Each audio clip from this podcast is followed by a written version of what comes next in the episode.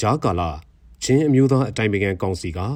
2022ခုနှစ်ဖေဖော်ဝါရီလ10ရက်နေ့တွင်ကျင်းပသည့်ပင်လုံစာချုပ်ချုပ်ဆိုခြင်း85နှစ်မြောက်ထိမ့်မှတ်ခမ်းနားသို့တောင်းလွှာပေးပို့ပါတယ်။အဲ့ဒီတောင်းလွှာအပြည့်စုံမှာပြည်တော်စုမြန်မာနိုင်ငံသူနိုင်ငံသားများခမညာအပိုက်တေ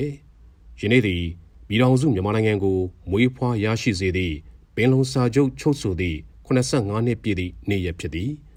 လွန်ခဲ့သော1948ခုနှစ်ဖေဖော်ဝါရီလ12ရက်နေ့တွင် Federal ရှမ်းပြည်ပင်လုံမြို့၌ကချင်တောင်တန်းများဒေသချင်းတောင်တန်းများဒေသ Federal ရှမ်းပြည်နှင့်ဗမာပြည်မှတို့မှကိုစားပြုခေါင်းဆောင်များနှင့်လူလူကိုယ်စားလှယ်များသည်ဗြိတိရှအစိုးရလက်အောက်မှလုံးဝလွတ်လပ်ရေးကိုရယူပြီးတောင်တန်းပြည်မှပူးပေါင်းကာ Federal ပြည်ထောင်စုကိုအတူတကွတည်ထောင်ကြမည်ဟုသောတန်ဋိဌာန်ဖြင့်လက်မှတ်ရေးထိုးသဘောတူခဲ့ကြသည်ဖြစ်ရာ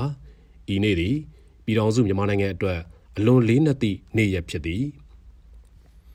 အပိုက်နှင့်မိမိတို့ချင်းလူမျိုးများအနေဖြင့်ပင်လုံစာချုပ်တွင်ပါဝင်လက်မှတ်ရေးထိုး၍ပြည်ထောင်စုအဖွဲ့ဝင်အခြားပြည်ထောင်များနှင့်အတူပြည်ထောင်စုအတွင်းပူးပေါင်းခဲ့ရာတွင်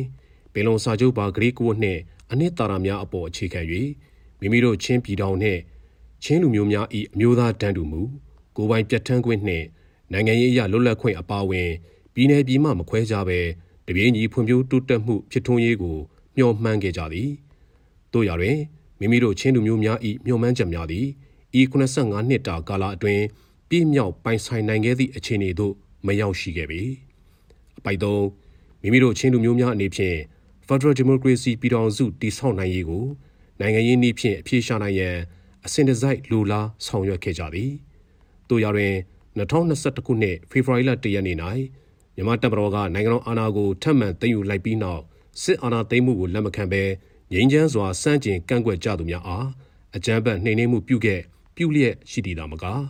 ချင်းပြည်နယ်အတွင်းနှင့်ချင်းလူမျိုးများနေထိုင်ရာဒေသများတွင် လူမဆန်သောပြုကျင့်မှုများရက်ဆက်ရုံမာစွာဆောင်ရွက်လျက်ရှိရာမိမိတို့လိုလားမျှော်မှန်းသော Federal Democracy ပြည်ထောင်စုတည်ဆောက်နိုင်ရေးအတွက်ပြည်သူတော်လှန်ရေးတရက်ကိုမလွဲမရှောင်သာဆင်နွှဲနေရပြီဖြစ်သည် အပိုက်လေးမိမိတို့ချင်းလူမျိုးများနေဖြင့်ပြည်ထောင်စုအဖွဲ့ဝင်အခြားပြည်ထောင်များနှင့်အတူ